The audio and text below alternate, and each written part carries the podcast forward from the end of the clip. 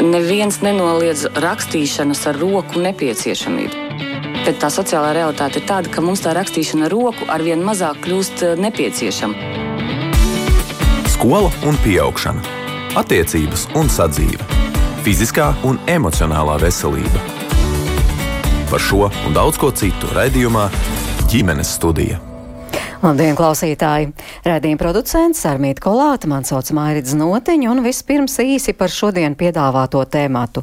Proti pēdējo gadu tendences ne tikai Latvijā, arī Eiropā ir, ka ģimenes, ģimenēs dzimst mazāk bērnu un aizvien biežāk bērns ģimenē aug kā vienīgais pāri nevēlas vai nevar atļauties vairāk bērnu, kāds bērnu skaits nepieciešams, lai varētu runāt par pozitīvu tauts attaudzi un ar kādiem izaicinājumiem sastopas ģimenes, kurās aug tikai viens bērns.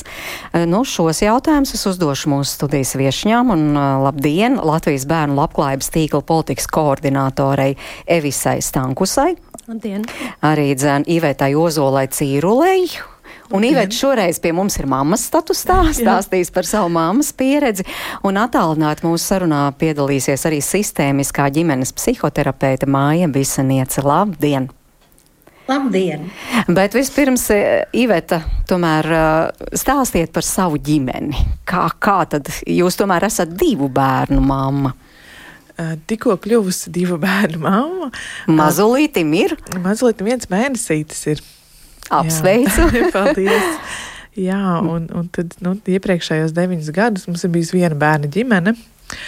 Uh, daļai tas ir bijis apzināts lēmums, jā, mēs esam nodzīvojuši um, pietiekoši ilgi prom ārzemēs, un, uh, lai tā pārvietošanās būtu vieglāk, tas tā praktiski ar vienu bērnu to vieglāk izdarīt. Uh, un atgriežoties Latvijā, tad um, jā, mums uzreiz tas saslēdzās kopā, kad esam mājās, un tad arī vajag to otru bērniņu. Uh, Un, nu, tad jā, pagāja mazliet laiks, kamēr tikām pie tā otra bērniņa, bet, nu, jā, esam divu bērnu ģimene. Man uzreiz lūgums mājā iestarpināt, ja deviņu gadu starpības starp bērniem, tad varētu teikt, ka vismaz tas pirmais ir vienīgais, kā vienīgais audzis, vai tā ir? Ļoti bieži uh, runā par to, ka tie pētījumi bieži vien par bērnu statusu vai par bērnu vietu ģimenē, eh, viņus varētu teikt, ka viņi ir tikpat seni kā psiholoģija kā tāda. Jo īpaši 60., 70., 80. gados bija šie pētījumi par to, kā tad ir, cik tad ir eh, nu, tas skaits labāks, kāda ir tā gadu starpība efektīv, efektīvāk, kā vispār uh, mīja darbojas.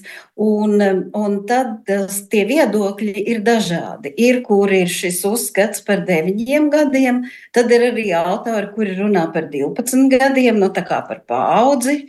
Un, protams, tur, kur mēs zinām, ka ir 15 un 18 gadu starpība, tur, tur mēs noteikti varam runāt par to, ka ģimenē tur ir uh, divi uh, vienīgie bērni. Bet jā, ar deviņiem gadiem visbiežāk nu, ir autori, kuri to uzskata par to nu, diezgan pietiekoši lielu gadu starpību. Bet ir arī 12. Jā, bet Ivēt, jūs arī teicāt, vienīgais auga kā vienīgais. Varat mazliet, mazliet tā kā paskatīties uh, no malas, kā tas bija, kad auga kā vienīgais? Jā, reflektējot varbūt tos pirmos gadus, uh, kad. Uh, bērniņam patiešām arī vecāki ir vis, vis, visvairāk vajadzīgi. Protams, ka viņš ir uzaudzis kā viens, un, un gan to lološanas sajūtu, gan mīlestību, gan uzmanību, visu, visu viņš ir dabūjis viens no diviem vecākiem. Un, un teiksim, augot lielākam, ejot skolā, bērns iet šobrīd trešajā klasē, tā arī skolas gaitas viņš ir uzsācis kā vienīgais bērniņš, kur, kur ir visas prasmes, ko viņš ir apguvis, lasīt, rakstīt. Um, nu, tādā ziņā arī vien, viens dabūjis visu uzmanību. Un, un šobrīd, um, skatoties, kad uh, tikko piedzimis ir mazais bērniņš, uh, viņš nav šajā, kā es minēju, iepriekšējā bērnu komandā, bet mūsu pieaugušo komandā.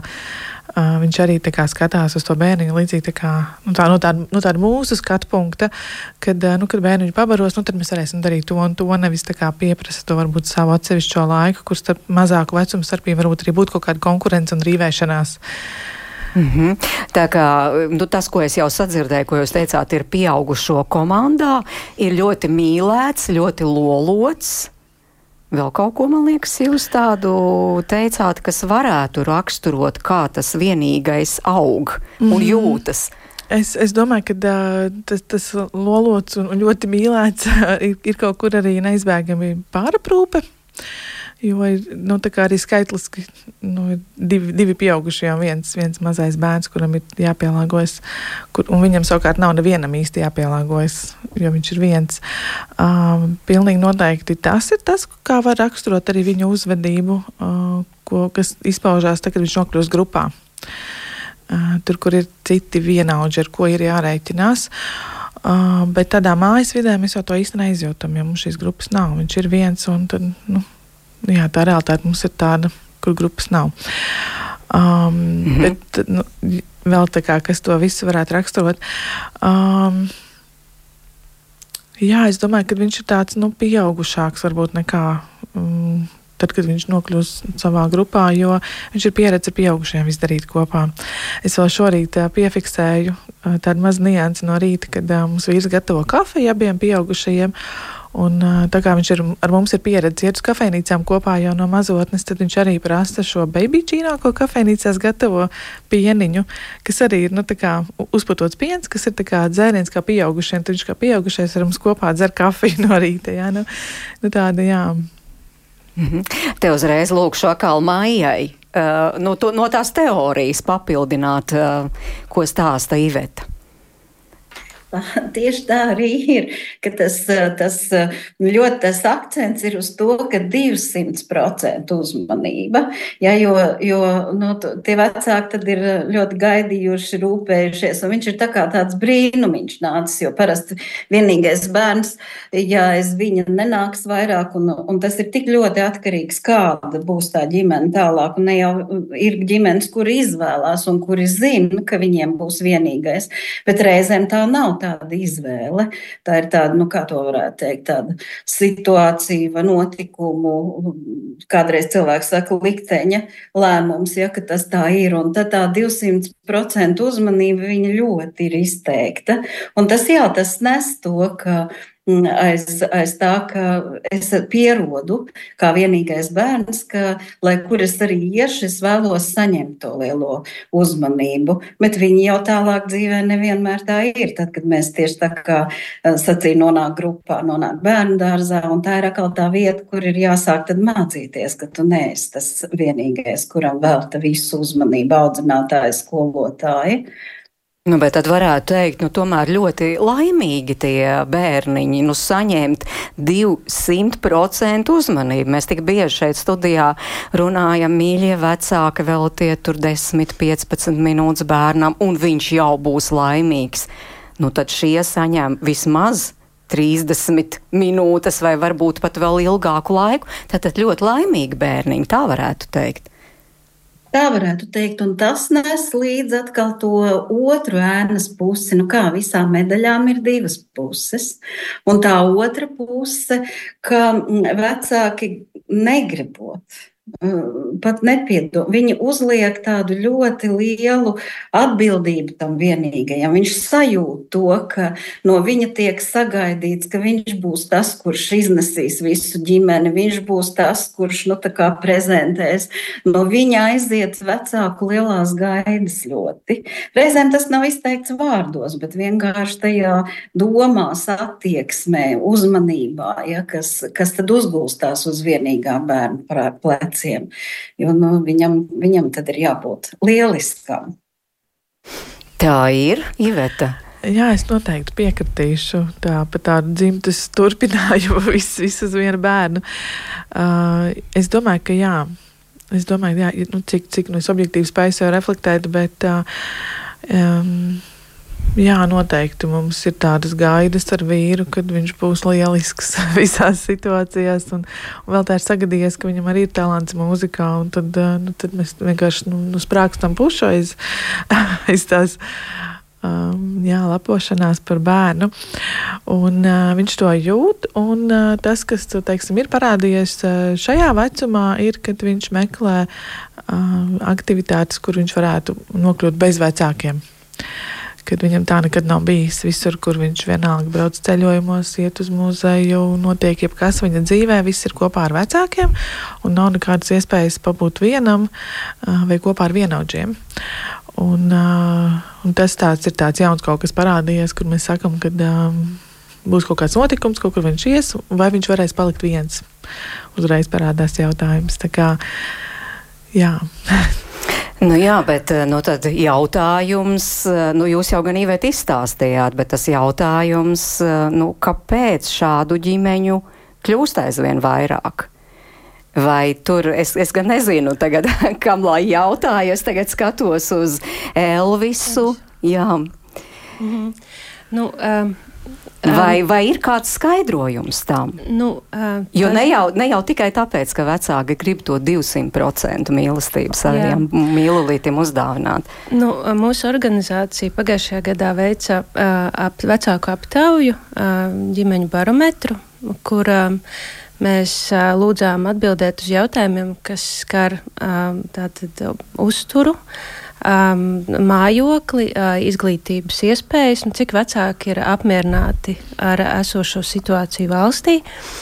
Un tas, kas bija, un es atceros arī par veselību, un tad uh, patiesībā parādījās, ka uh, ir uh, liela nu, neapmierinātība ar veselības sistēmu, ar rindām. Kā jau tas nevienam nav noslēpums, ja garās rindas pie tātad pie šiem speciālistiem, un tāpat arī par pirmskolu, kad ir bažas, kad ir šīs garās rindas un, un ir jautājums par atgriešanos darbā. Un šīs ir tās lietas, kas, manuprāt, ļoti varētu ietekmēt un arī ietekmē vecāku izvēli gan par vienu bērnu, gan vairāk. Un vēl viena svarīga lieta, par ko vajadzētu runāt, ir mums aptaujā mēs arī jautājām par pieejamību um, speciālistu zīdaiņu aprūpē. Un arī par uh, jautājumus, kas skar mentālo veselību, kas ir, manuprāt, ļoti svarīgi. Tad, kad nu, jautājums ir, kāds ir valsts atbalsts brīdī, kad uh, bērns ienāk ģimenē, jo it sevišķi pirmais bērns, tad ir ļoti svarīga šī nu, pēc iespējas vairāk informācijas un atbalsts ģimenei. Un tas, diemžēl, atbildēs bija parādījās, ka ir nepietiekoši. Tur galvenokārt atbildēja tās ģimenes, kurās ir viens bērns. Tā kā, manuprāt, šie divi ir arī aspekti, kas uh, iespējams uh, bremzē vai kavē šo izvēli. Um, un savukārt, nu jā, tas, tas varētu būt no tāda valstiskā viedokļa, un arī mm. aptaujas, ko, ko rāda. Jā, nu, tas tā. Bet vai varētu arī būt šis aspekts, ka vienkārši dzīve ir stipri mainījusies, ja mēs paskatāmies uz 19. gadsimtu? Nu, tur bija cita motivācija. Bērni dzīvo, jo vajadzēja tur zemniecībā, vajadzēja kas ar un pļauj. Un, un tomēr bērni nebija arī nekāda garantija, ka izdzīvos, ja, ka, ka tiešām piedzīvos to pieaugušo vecumu. Dzīve ir mainījusies, un, un ir mainījusies gan, gan sievietes status, gan tas, kā, ka, ko viņa dara, kā viņa pavadīja ikdienu, un kas, kas vispār ģimenē ir un kas nav svarīgi. Vai šis arī ir aspekts? Nu, es domāju, ka noteikti, ņemot vērā to, ka arī sievietēm ir karjera un, un nu, kā abi vecāki ir. Nu, Abiem ir svarīga arī šī, šī pašrealizācija, tad, tāpēc arī šis jautājums, ko es arī norādīju par, par to pašu pirmskolu, ja, kad ir jautājums, ja tu saproti, ka pēc tā pusotra gada faktiski bērnam nebūs kur atrasties. Iespējams, nu, tas ir, protams, atkarīgs arī no reģiona, kurā dzīvo, bet, nu, kā mēs zinām, Rīga, Pierīga un lielās pilsētas ir kritiskas. Nu, nu, tur, tur ir problēmas ar šo. Tāpēc nu, tas ir jautājums, jā, kad, kāds ir tas valsts atbalsts, lai no vienas puses būtu ekonomiskā drošība, kad es varēšu atgriezties darbā, un otrs puses tā tad, nu, jā, šis atbalsts. Nu, tas ir svarīgi, jā, kad, nu, tā kā jā. Iveta, jūs piekrītat? Oh, man īstenībā ir tā brīnišķīgā iespēja salīdzināt, kā ir piedzimta bērnu Latvijā un kā, kā ārpus Latvijas. Un, uh, es, es redzu to Latvijas uh, grūtību un to um, nu, tādu kopējo um, situāciju. Taču lai, laikam man jāpieskaita būs sava ģimene pie, pie tiem veiksminiekiem, kuriem ir tie daudzie resursi Un uh, mums Latvijā ir nesalīdzinām vieglāk bijis gan, gan šī medicīna. Mums tikai Latvijā tā liekas, ka garas rindas mm. ir. Jūs padzīvojat citā valstī, un tad jūs redzēsiet, kas ir garas rindas. Uh, bet uh, īstenībā Latvijā medicīna ir um, pat ļoti pieejama, un uh, bērnu slimnīca vispār ir brīnišķīga vieta, kas ārzemēs nemaz nav tik pašsaprotami. Un arī šis atbalsts um, pusotrs gads, kad var pavadīt sievieti mājās, tas arī ir kaut kas, kas. Kad es stāstīju saviem ārzemju draugiem, ka Latvijā tā ir, viņi vienkārši bija šokā, kā tas iespējams.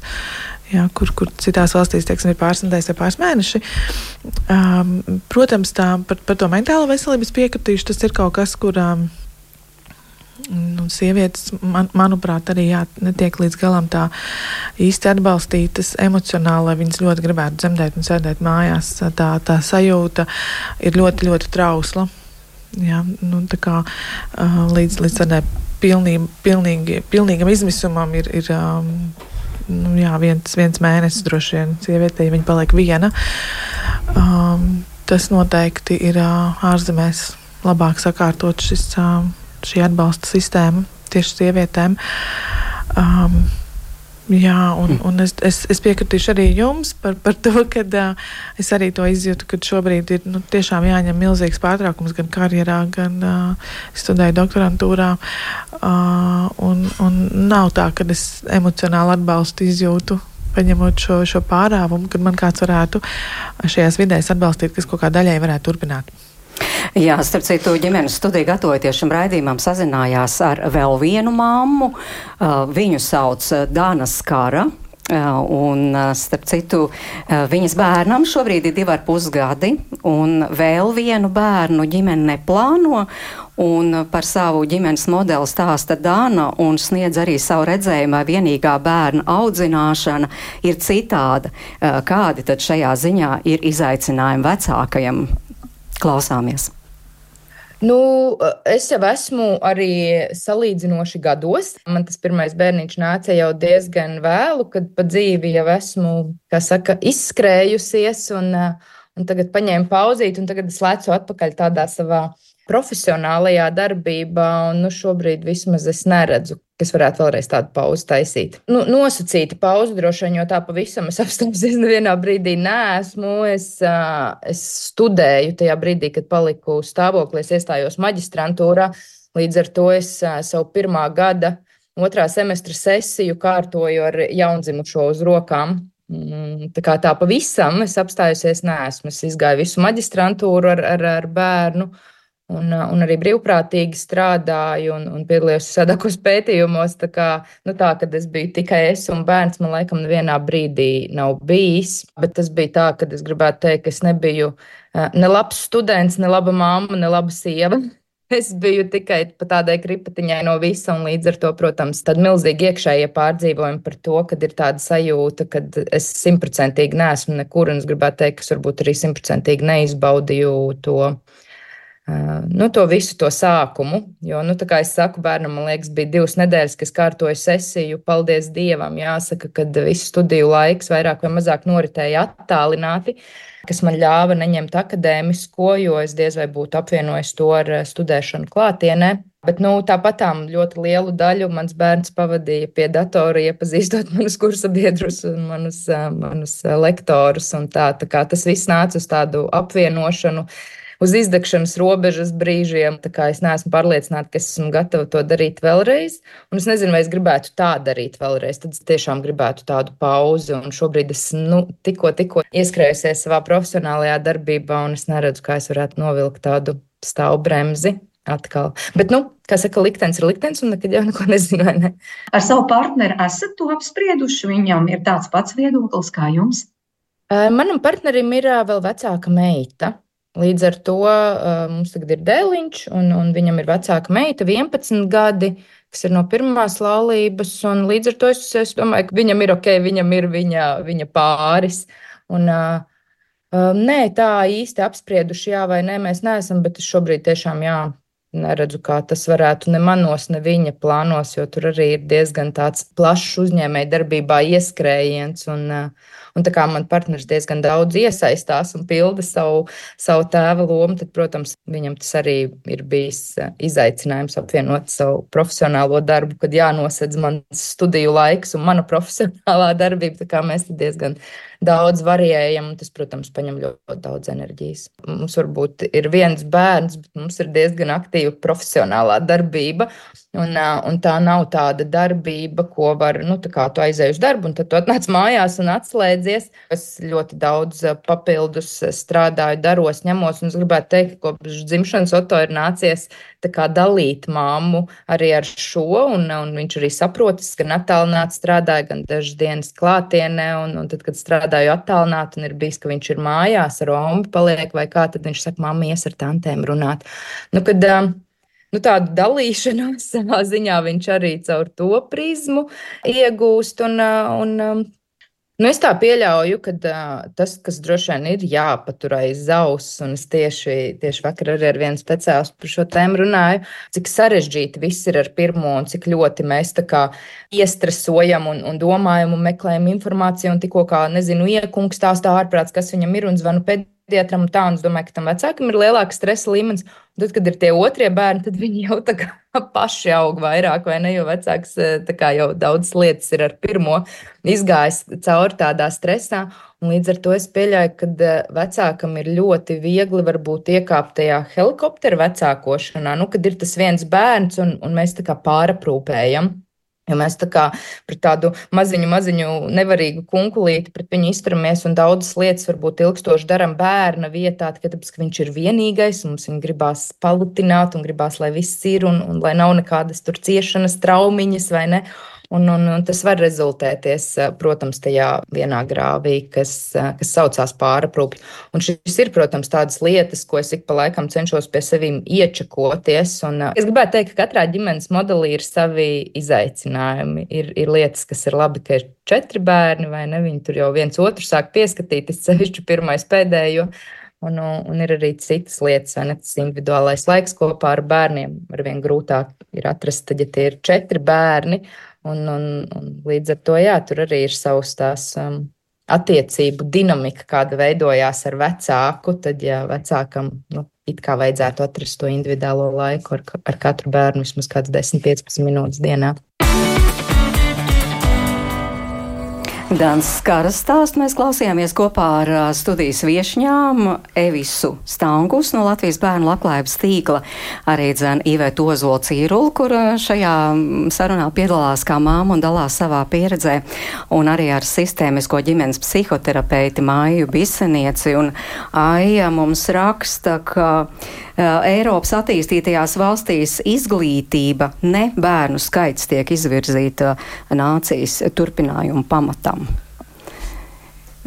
Vai, vai, vai varētu šā arī, nu, klausoties Danā, kaut kur to saklausīt? Šis ir ļoti tiešām svarīgs aspekts mūsdienās, un uh, kas arī ietekmē, kā ģimene plāno un veido. Jā, jā, vai es... cik bērns atļaujas mm vai neatļaujas? Jā, es, es domāju, ka mm, pat, pat tiem, kuriem, nu, kuri varētu atļauties uh, vairāk bērnus, uh, ļoti gribās ceļot. Ļoti gribās darīt visādas lietas. Arī, arī Danā ieskanēja šis, šis Danas stāstā, kad uh, gribās realizēt uh, sevi karjerā. Un, un, bet es arī Danas stāstā saklausīju, cik ļoti teiti daudz iesaistās. Uh, Um, es, es arī varētu teikt, ļoti līdzīgi. Es šobrīd šeit atrasties, jo, jo maziem bērniem ir tētis, kas, kas viņu pieskata. Līdz ar to man liekas, arī um, tā tāda vispār nu, vesela tēma vēl, jā, uh, kad. Um, Kāpēc, piemēram, mans vīrs var pieskatīt bērnu šobrīd, jo viņš attālināti strādā. Un, un uh, arī Dienas stāstā ieskanējās, ka uh, cilvēki ļoti elastīgi ir palikuši. Un, un tas droši vien ir kā pluss, bet jā, tā tas um, aktīvais dzīvesveids, Visdaži dažādi hobiji arī, ko cilvēki piekopja, tas noteikti traucē mm, būt lielie bērnu ģimenē, jo tad nu, jāuzliek kaut kas ar uz svaru kausiņiem. Mm -hmm. nu jā, tas nav stāsts nec par uh, ekonomiskajām problēmām, piemēram, vai tas, ko jūs, uh, Evisa, minējāt. Mm, jā, uh, bet tie bija arī nu, aspekti, kas, kas ietekmē, bet, protams, uh, um, karjera Un tas, kad, kas ir tie uzstādījumi, kas ir mūsu šobrīd vērtības, nu, tas, tas tā ir, kad, kad uh, prioritāte ir mana karjera, neatkarīgi no dzimuma, jā, kas esmu pašpietiekams. Un tas, tas, protams, rada sevišķi sievietēm šo dilemmu, kas arī šeit parādījās.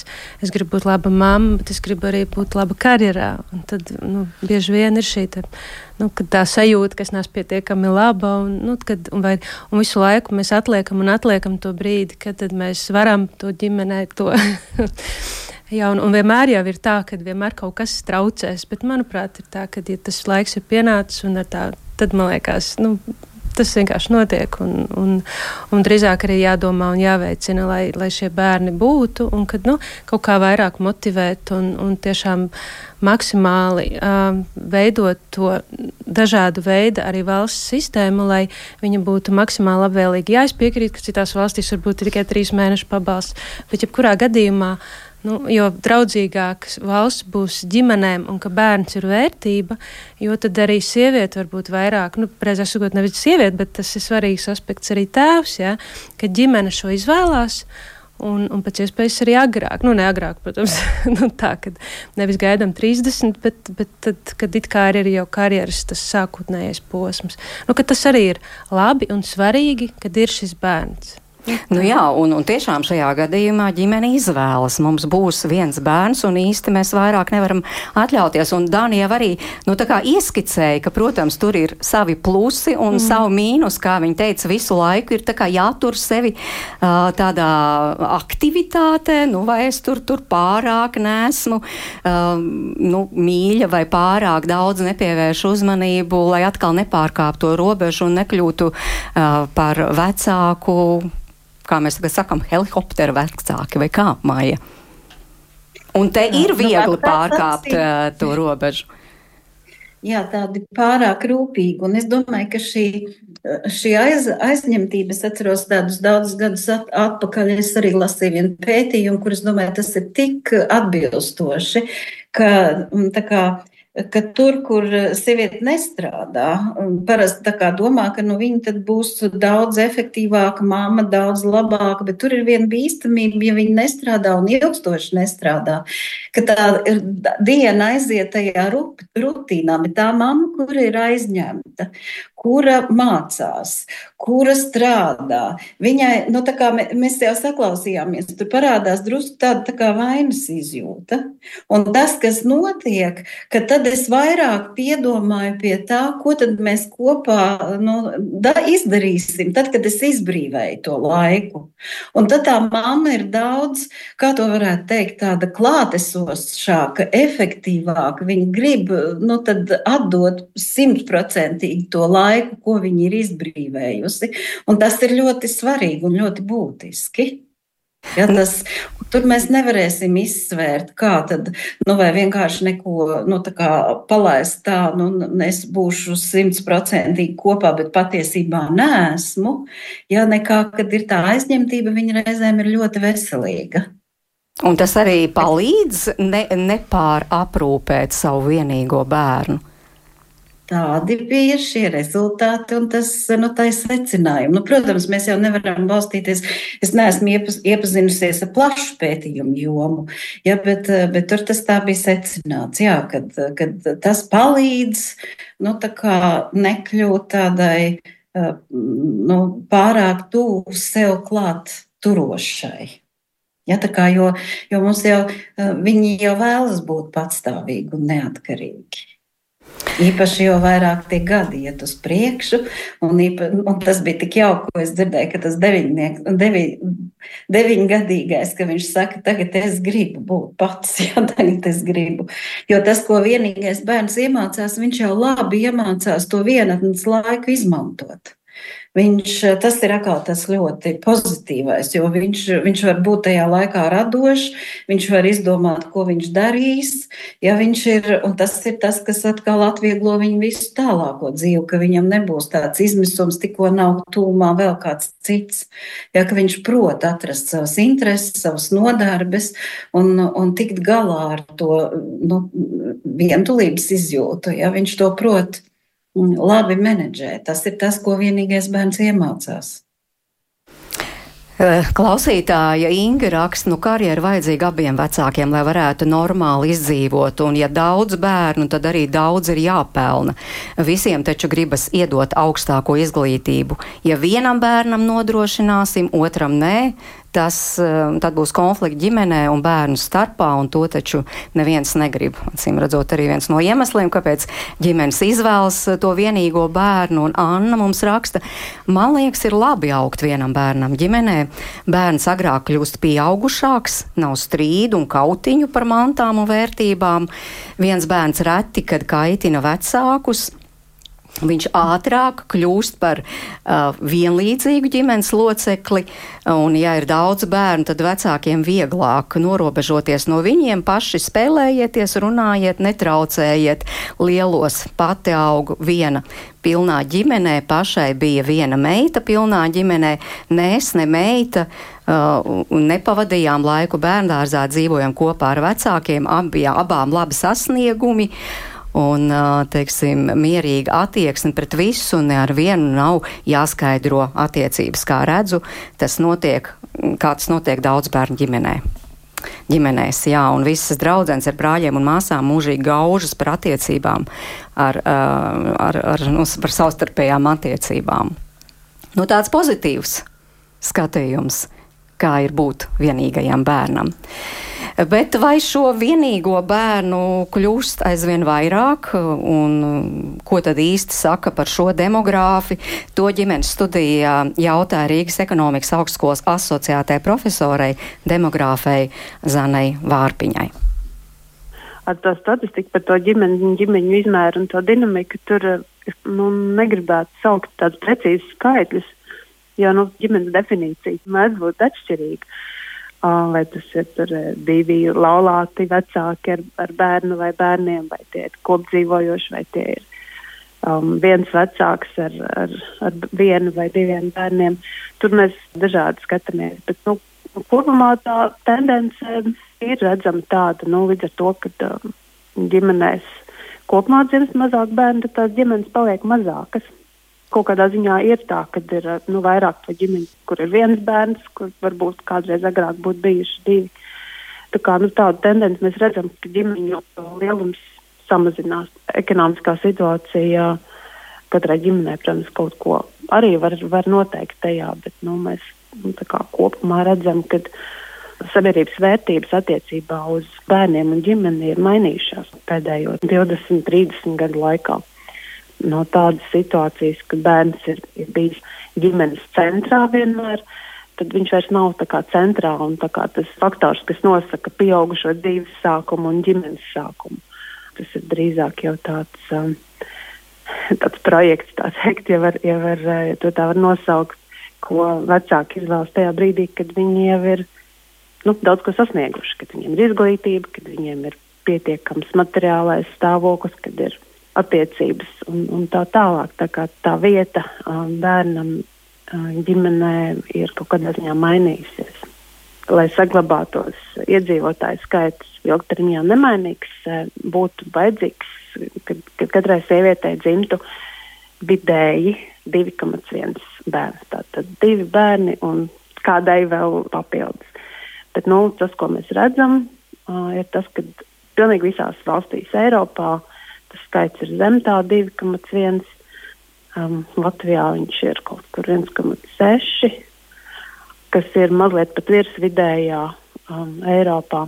Un tas, ko mēs faktiski esam redzējuši pēdējos pāris gados, kad uh, visās valstīs dzimstība ir vēl vairāk samazinājusies nekā viņa bija vēl pirms dažiem gadiem. Tā skaitā arī Skandināvijas valstīs, kā, uz kurām mēs vienmēr esam skatījušies ar tādu skatu, ka nu, tur ir tas skandināvu kā, visas atbalsta sistēmas un uh, labklājības valsts un, un, un bērnu pabalsti un, un, un daudz nu, ļoti, ļoti tā, tā, tā, tā teikt, pozitīvas uh, situācija un tā uh, ģimeņa politika ļoti, ļoti atbalstoša.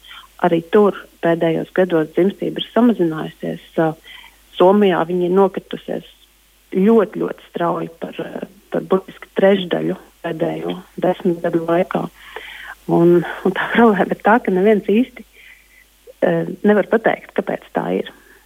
Nu, ir pētījumi um, arī par to, ka jaunieši skolas un, un, un studējošo vecumā um, diezgan daudzi izvēlas arī to, ka viņi negribētu bērnus. Nu, pēc tiem datiem, ko es esmu redzējis, tādu ir kaut kādi 10%. un, un daudz ir tādu arī, kuri gribētu tikai vienu.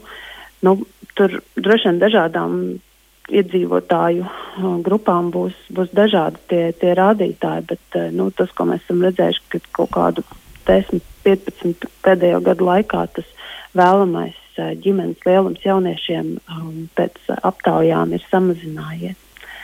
Tas, ka jā, mums ir vajadzīgs atbalsts ģimenēm, par, par to mēs neviens nešaubamies, bet vai tam būs kā, ietekme uz, uz bērnu skaitu, tas nav, nav gluži pierādīts. Līdz ar to mums nav, nav tā situācija, ka mēs negribētu kaut ko darīt, bet, nu, tā jāsaka godīgi, man liekas, ka neviens īsti ne, nezin, ko, ko darīt. Nu, tāds ir demogrāfa viedoklis, lai cik uh, mīlēti un loloti tie vienīgie būtu. Tomēr, nu, tā, ja skatāmies no, no, no, no demogrāfa viedokļa, tad vēlamais tomēr ir šie divi bērni. Evis. Jā. Um, es būtu priecīga, ja katrā ģimenē būtu divi bērni, bet um, Jā, nu tas ir, ko demogrāfs arī teica, ka neviens jau nezina iemeslu. Un tas, kas ir skaidrs saprotams, ka arī tā tendence, jo ekonomiski attīstītāka valsts, jo arī šis bērnu skaits samazinās kaut kāda iemesla dēļ. Tad mēs atkal varam, nu, nevis kaut kādu, bet ir iemesli, un tas ir atkal jautājums par karjeru, par pašpietiekamību, un ka tādās, um, nu, un par to bērnu kā, kā vērtību, ka vai, nu, kāpēc man viņu, kāpēc viņš ir nepieciešams. Un varbūt, nu jā, un es piekrītu, ka tad arī pabalsti nepalīdzēs. Un jā, ko, ko darīt, nu, jā, man nav atbildes. Varbūt Iveta ir atbilde. es tieši kā kaut kā sēdēju domā, man šis gads sāc sakrīt, kad uh, mums ar uh, manu māmu ir liels jubilejs.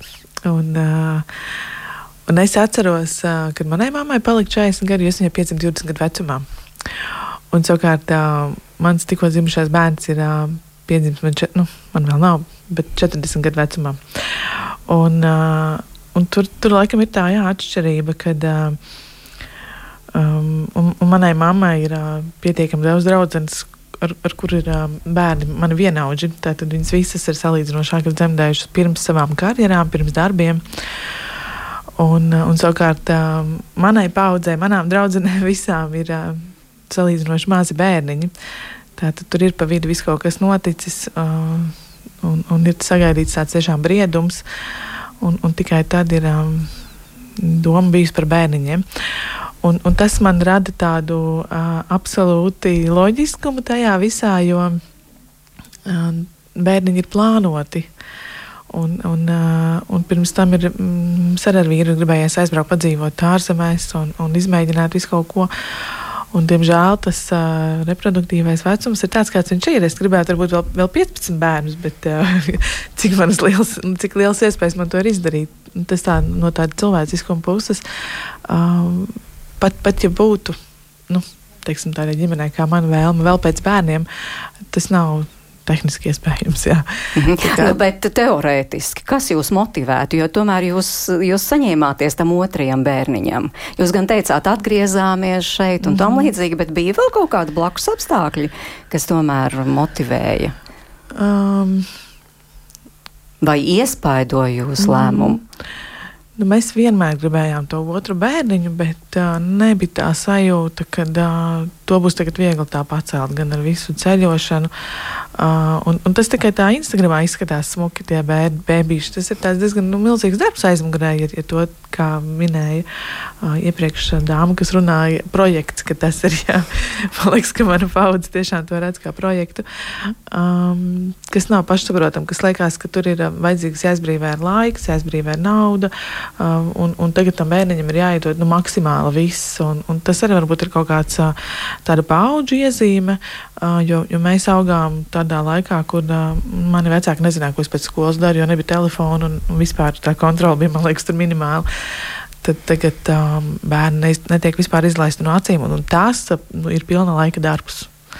Tas vairs nav tā pašsaprotami. Tas um, ir tā, nu, vajadzīgs ir jā, ļoti daudz resursu. Mhm. Jā, māja, kā jūs teiktu, nu, kā mēs dzirdam, tā tomēr ir cita paudze. Atgriežamies pie šī un pavisam eh, cits skatījums uz dzīvi, uz bērniem un tam līdzīgi. Vai šai paudzei var pateikt, nu, lūk, piemēram, uh, lai mūsu tauta turpinātos, nu, tad mīļie vismaz divus bērnus. Kaut kā varbūt tajā lokā un klientu lokā, jo, jo es satiekos ar tādiem ļoti atbildīgiem vecākiem, tad es varētu teikt, ka es redzu gluži to, to nu, pretējo pusi, kur tieši tā kā jūs tikko teicāt, ka mēs piedomājām, nu, ka nu jau nāk tas briedums, un, un tas pirmais bērniņš varbūt bija tur ļoti agri jaunībā, un varbūt nebija netik plānots, netik piedomāts, bet, bet tomēr es teiktu tā, ka katram tam vecumam. Un tad, kad viņš nāk, tur ir savi plusi. Jo atkal jaunie vecāki, tad, kad viņam ir tas vienīgais, viņu ļoti daudz viņu paņem līdzi tādās visās aktivitātēs. Viņi, nu, Latvijā, Latvijā tas būs visi tie, kas tur daudz gadus atpakaļ, tad viņi bija pozitīvusā un viņi piedzīvo visu to aktīvo vecāku kopā dzīvošanas laiku.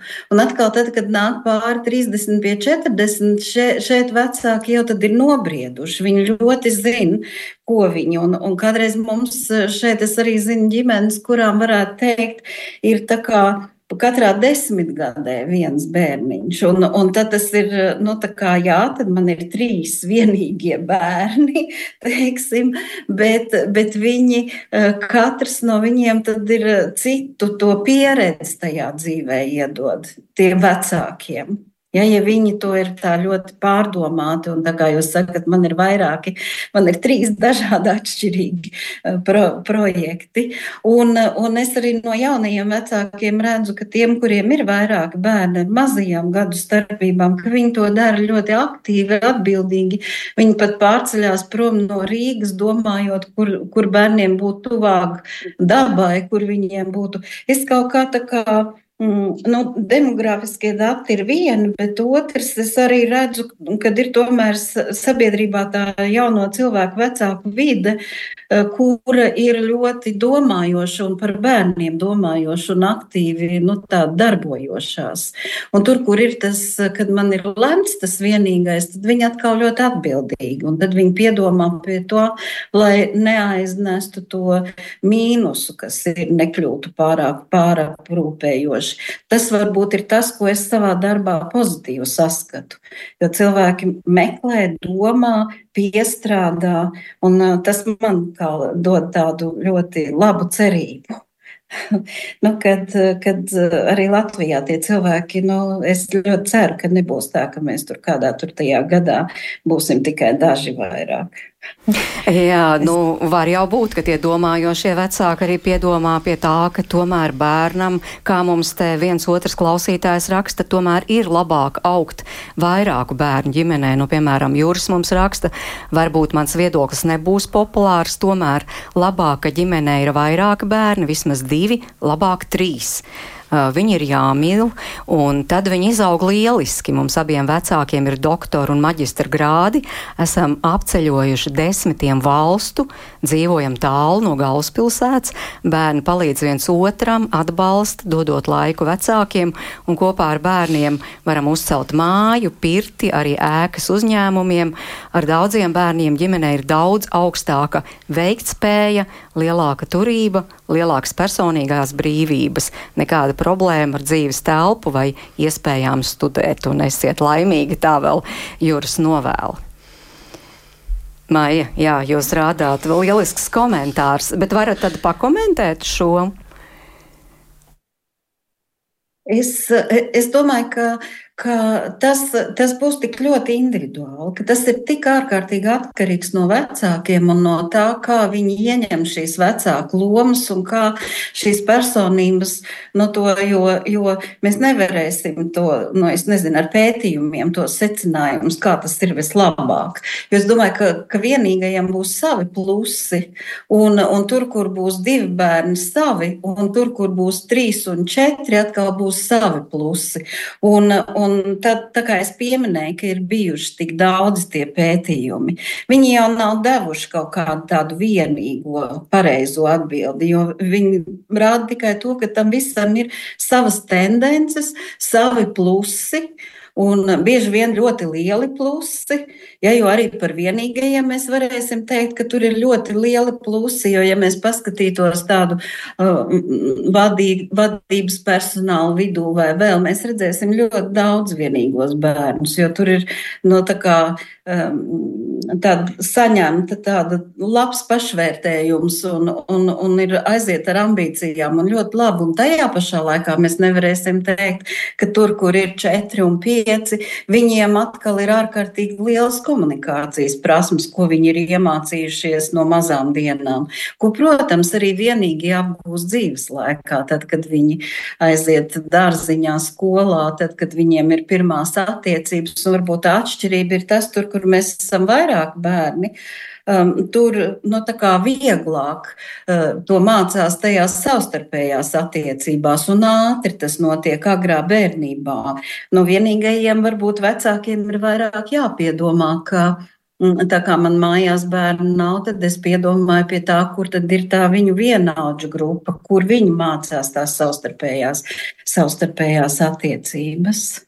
Nu, kā Jā. jūs kā speciālists teiktu, vecāki pievērš šim uzmanību, interesējas un, un arī šādā aspektā, nu, man, piemēram, tur ir daudz bērni vai man ir vienīgais bērns, un kas tad man kā mammai vai kā tētim ir jāņem vērā, lai šis bērns tiešām izaugtu, nu, laimīgs, lai es varētu kā vecāks iedot viņam to labāko. Ņemot vērā visas, visu to, ko jūs stāstāt, plusi, mīnusi, lai to plusu būtu vairāk nekā mīnus. Bieži vien vecāki, tad, kad ir grūtības, nu, tādas nepatikšanas, tad vecākiem tā situācija tā piespiež par to domāt. Un tad arī ļoti bieži cilvēki meklē, un domā, un lasa, un, un, un savā starpā diskutē, un pie speciālistiem vēršās. Jo tie, kuri ir motivēti un domā, jā, viņi par to šobrīd labi interesējās. Iveta, tie ir būtiski jautājumi, par ko tomēr arī domāt. ja ļoti jauki pateicis, ka piespiež. jā, piespiež, jā. Uh, Jā, jā tik līdz, tiek līdz bērngārzam, un, un jo īpaši skolai, tad uh, uzceļās augšā tiešām tādi jautājumi, kas varbūt līdz tam nav bijuši aktuāli. Um, nu, teiksim, es, es pilnībā piekrītu, ka kat, katra ģimene un situācija ir individuāla, un katram bērnam ir savs temperaments un, un tās vajadzības un robežas, cik daudz viņam varbūt tos cilvēks arī vajag apkārt. Uh, bet mūsu gadījumā tā bija, ka mums ir tāds diezgan ekstravēts bērniņš. Un, kad mēs viņu palaidām uz skolu, tad, uh, tad, kad viņš saprata, ka viņš var visu dienu daudzīties to, ko viņš nevar mājās, mums mājās ir diezgan klusi un mierīgi vakari, uh, viņš jau pašā sākumā paziņoja, ka viņš neiet uz skolu mācīties, viņš iet uz skolu draudzēties, ka tā ir viņa prioritāte.